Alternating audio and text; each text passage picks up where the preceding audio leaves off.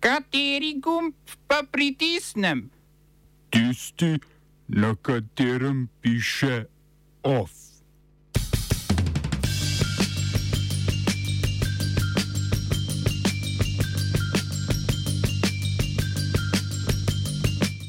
Šrilanški predsednik zbežal na Maldive. Trumpov svetovalec za nacionalno varnost priznal upletenost v državne udare. Za položaj novega britanskega premijeja se poteguje osem kandidatov. Slovenija z Italijo sklenila solidarnostni sporozum za zagotovitev oskrbe s plinom.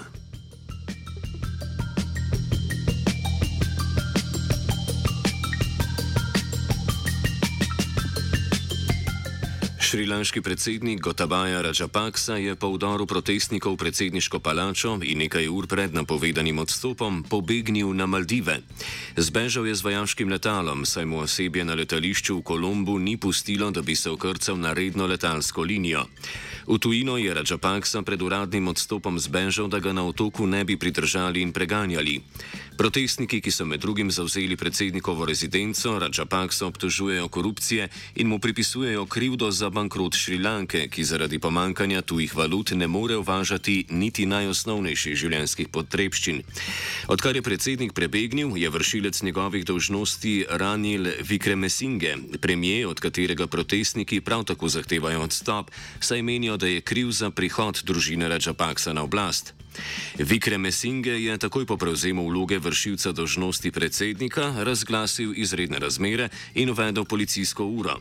Na protestniške pozive k odstopu pa se je odzval z besedami, da bo odstopil šele takrat, ko bodo opozicijske stranke zmožne sestaviti vlado.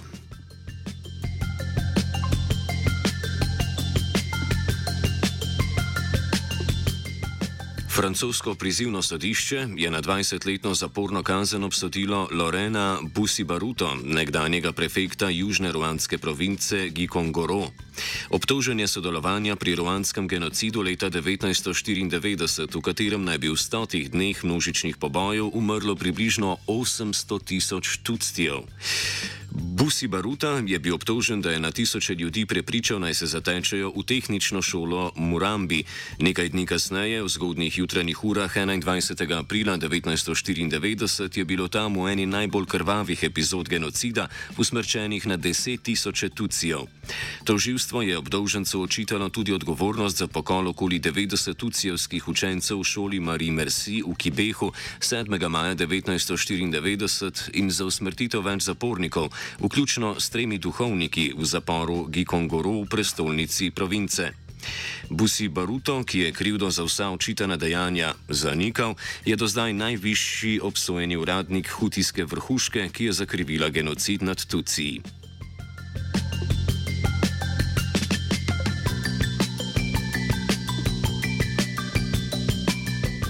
Predsednik Združenih držav Amerike Joe Biden je prvi uradni obisk Bližnjega vzhoda pričel v Izraelu. Tam načrtuje srečanja s trenutnim vršilcem dožnosti izraelskega premijeja Jairjem Lapidom, nekdanjim premijejem Benjaminom Netanjahujem in predsednikom palestinske nacionalne oblasti Mahmudom Abbasom. Glavna tema obiska in pogovorov bo odnos z Iranom in jedrski sporazum z njim, ki ga je leta 2015 sklenil nekdanji ameriški predsednik Barack Obama in od katerega katerega je leta 2018 enostransko odstopil njegov naslednik Donald Trump.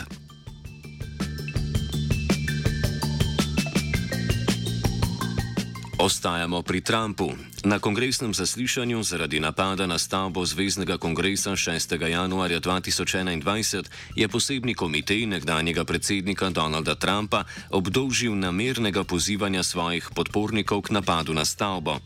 Komitej, sestavljen iz sedmih demokratov in dveh republikancev, je predložil tudi dokaze, da so Trumpovi svetovalci in zunanji agitatorji pred nemiri vedeli, da bo Trump na tisoče svojih privržencev pozval, naj tistega dne zavzame prevzamejo Kapitol.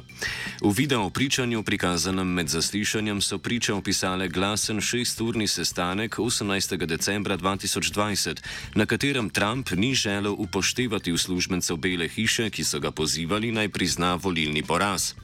Dalansko obleganje Kapitola ni bilo le poskus državnega udara, pa je v včerajšnjem pogovoru za ameriško televizijsko mrežo CNN zatrdil nekdani Trumpov svetovalec za nacionalno varnost John Bolton. Ob tem je priznal, da je bil pleten v načrtovanje državnih udarov v drugih državah, predvsem v Venezueli. V času svojega mandata se je namreč aktivno zauzemal za ameriško vojaško posredovanje v tej državi. With all due respect, uh, one doesn't have to be brilliant to attempt a coup. Uh, I disagree with that. As somebody who has helped plan coup d'état, As somebody who has helped plan d'etat, not here, but you know, other places. I'm not going to get into the specifics, but uh, Successful coups? well, I wrote about Venezuela in uh, in the book, and uh, it it turned out not to be successful. I feel like you're, there's other stuff you're not telling me, though. I think I'm sure there is.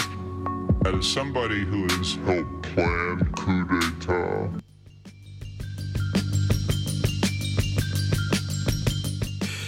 Za naslednika premijeja Združenega kraljestva Borisa Johnsona se bo potegovalo osem kandidatov iz vrst Toricev. Kandidati so morali zbrati podporo 20 drugih poslancev v parlamentu.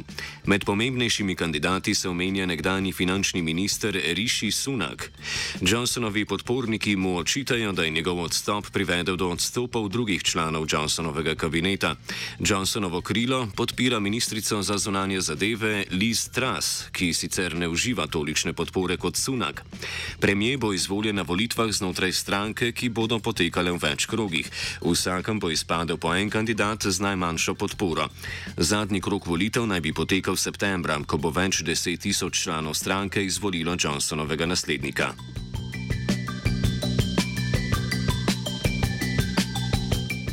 Selimo se na najljubšo poletno destinacijo slovenskih državljanov. Hrvaško ministrstvo za obrambo načrtuje spremembe treh zakonov o vojski, ki bi predsedniku države oduzeli nekatera pooblastila. Ključna sprememba predvideva nedvoumen prenos poveljstva vojske v času miru z predsednika države na obrambnega ministra. Druga glavna sprememba vojaškega zakona je prenos dolžnosti predsednika države za upokojitev delujočih vojnih oseb na obrambno ministrstvo. Predlagane spremembe so že sprožile nov obračun med premijejem Plenkovičem in predsednikom Milovanovičem, ki predloge obrambnega ministrstva že označuje za protiustavne. Hrvaška ustava namreč po eni strani določa, da je generalni poveljnik vojske predsednik države, po drugi strani pa določa, da se poveljstvo in nadzor nad vojsko vršita v skladu z ustavo in zakonom, ki odločanje prepuščata predvsem obrambnemu ministrstvu in vladi.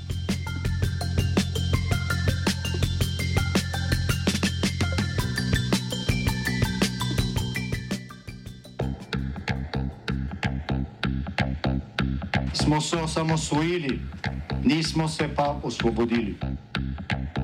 Naslednje število je še 500 projektov. izpiljene modele, kako so se strani nekdanje LDS prav rotirali. Ko to dvoje zmešamo v pravilno zmes, dobimo zgodbo o uspehu. Takemu političnemu razvoju se reče udar. Jaz to vem, da je nezakonito, ampak kaj nam pa ostane? brutalni obračun s politično korupcijo. To je Slovenija,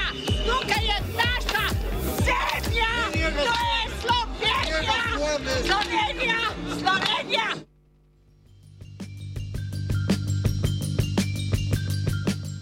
Mati nekdanjega koperskega župana Borisa Popoviča mora podjetju Milana Mandariča plačati 485 tisoč evrov z obrestmi. Mandarič je sodišču povedal, da je leta 2007 Popovičevi materi Souzi nakazal najprej 950 tisoč evrov, na to pa še 485 tisoč evrov kot posojilo in da mu denarja nikoli ni vrnila. Mandaričeva tožba v zvezi s posojilom 950 tisoč evrov je zastarala, tožba za 485 485 tisoč evrov pa je z zamudnimi obresti po 15 letih skoraj enakovredna glavnici in sicer 960 tisoč evrov. Souza Popovič je na obtožbe Mandariča odgovarjala, da je 485 tisoč evrov Mandariču že vrnila in sicer v spalnici, v bankovcih po 500 evrov. Svojo trditev je podkrepila z izjavami družinskih članov, a je sodišče razsodilo, da je vračila posojila ni uspelo dokazati.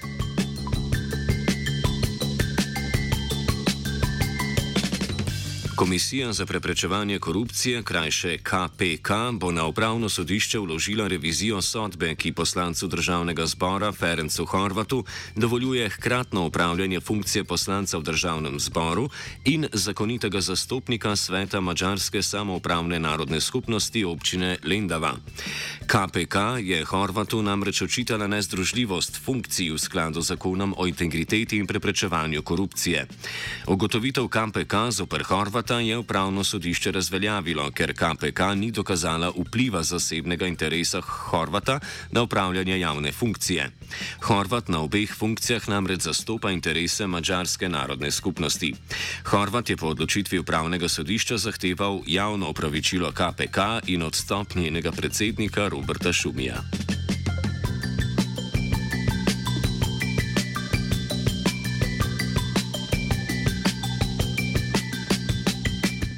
Parlamentarni odbor za zunanjo politiko je soglasno podprl predlog zakona o ratifikaciji solidarnostnega sporazuma z Italijo za zagotovitev oskrbe s plinom. Sporazum temelji na Evropski uredbi za zagotavljanje oskrbe s plinom in omogoča Sloveniji, da v primeru dobavnih motenj na evropskem trgu Italijo zaprosi za solidarnostno pomoč. Mehanizem se sproži šele, ko država znotraj svojega ozemlja stori vse, kar je potrebno za zagotovitev energetske oskrbe odjemalcev, a jih vseeno zmanjka manjka energenta. Odjemalci so po energetskem zakonu poleg gospodinstv tudi tisti v zdravstveni, vzgojno-varstveni in izobraževalni dejavnosti, med njimi so dijaški in študentski domovi. Italija je sporazum po informacijah slovenskega ministrstva za infrastrukturo že ratificirala, hkrati pa so z ministrstva dodali, da nameravajo podobna sporazuma skleniti tudi z vladami Hrvaške in Avstrije.